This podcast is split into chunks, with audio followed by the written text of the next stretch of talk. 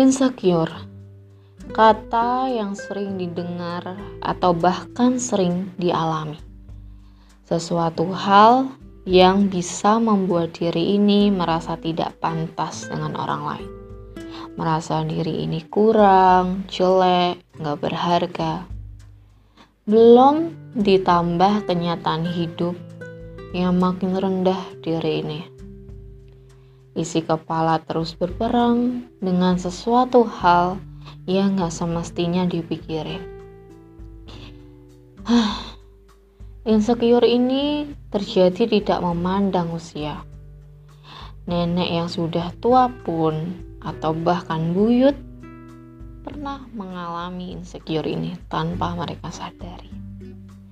Namun, kasus ini paling sering menimpa anak-anak remaja, di mana mereka sedang menemukan jati dirinya. Wajar sih, nggak apa-apa. Tapi nggak sedikit dari mereka justru berlarut dalam insecure, hingga tak jarang malah menjatuhkan diri mereka sendiri. Aku sudah berperang beberapa kali untuk melawan insecure. Ternyata butuh perjuangan juga ya untuk mengendalikan ini.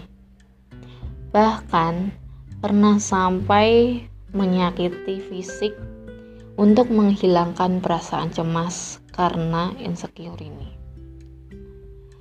Dan nggak banyak yang tahu sampai sebegitunya aku. Keluarga, teman, saudara, mikirnya aku baik-baik aja. Hanya karena aku sering tersenyum, ketawa, atau aku yang bikin mereka ketawa. Padahal di balik senyuman yang aku buat, sebenarnya ada masalah yang sulit aku kendalikan. Tapi alhamdulillah, sekarang aku sudah merdeka. Kalaupun perasaan insecure ini muncul, itu sudah nggak separah dulu. Paling lama juga dua hari udah nggak insecure lagi. Kenapa aku bisa menjadi seperti itu?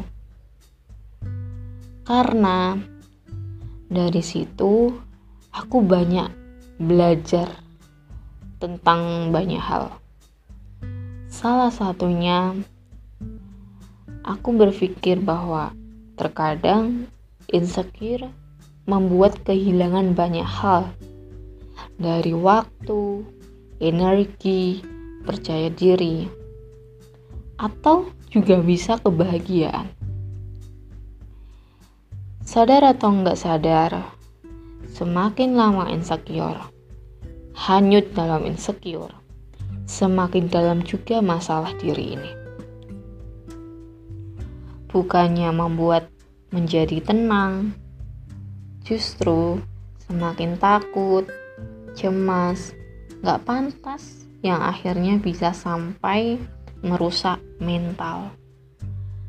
Ah, iya, aku sangat paham Begitu susahnya melawan pikiran-pikiran negatif yang menyebabkan insecure. Tapi kalau tidak ada perjuangan melawan negatif thinking, justru diri kamu semakin tidak baik-baik aja.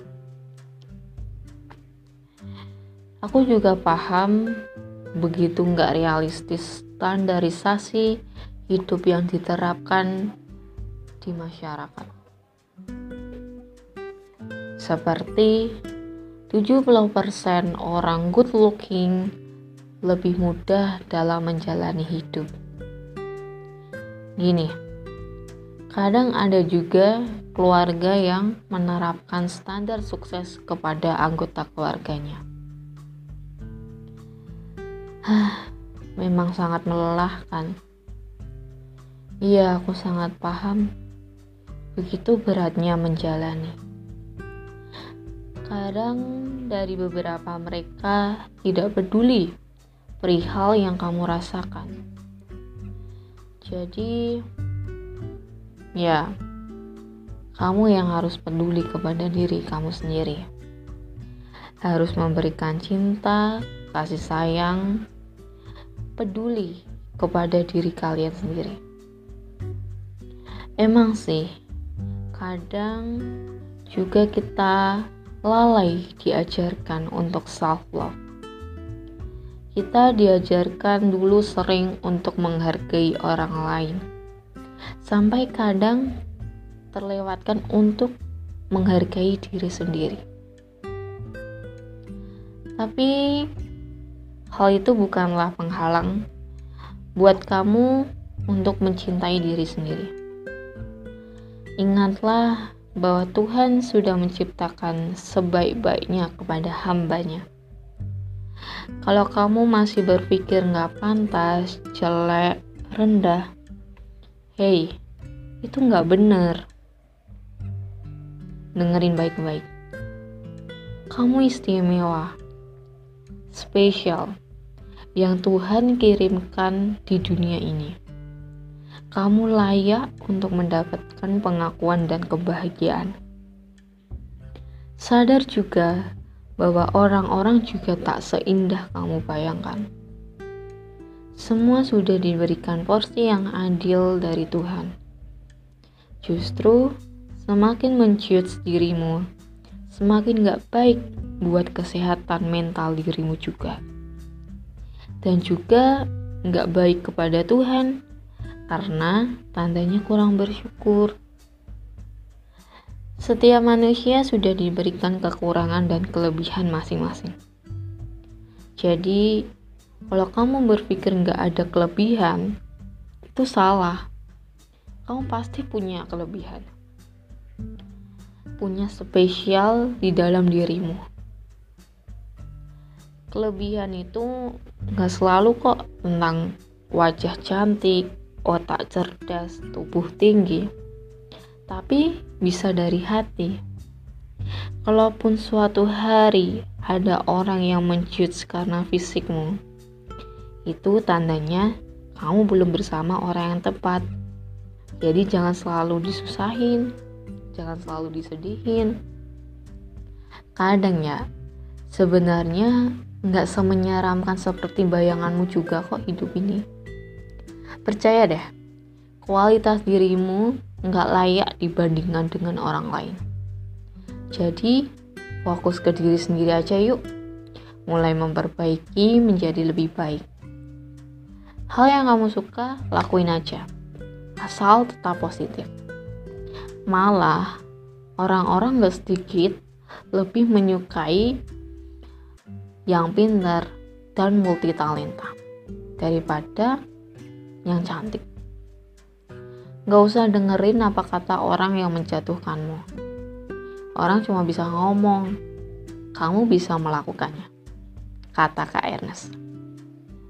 Dan terakhir, aku ingin menyampaikan bahwa manusia hidup bukan untuk semua orang menyukai dirinya.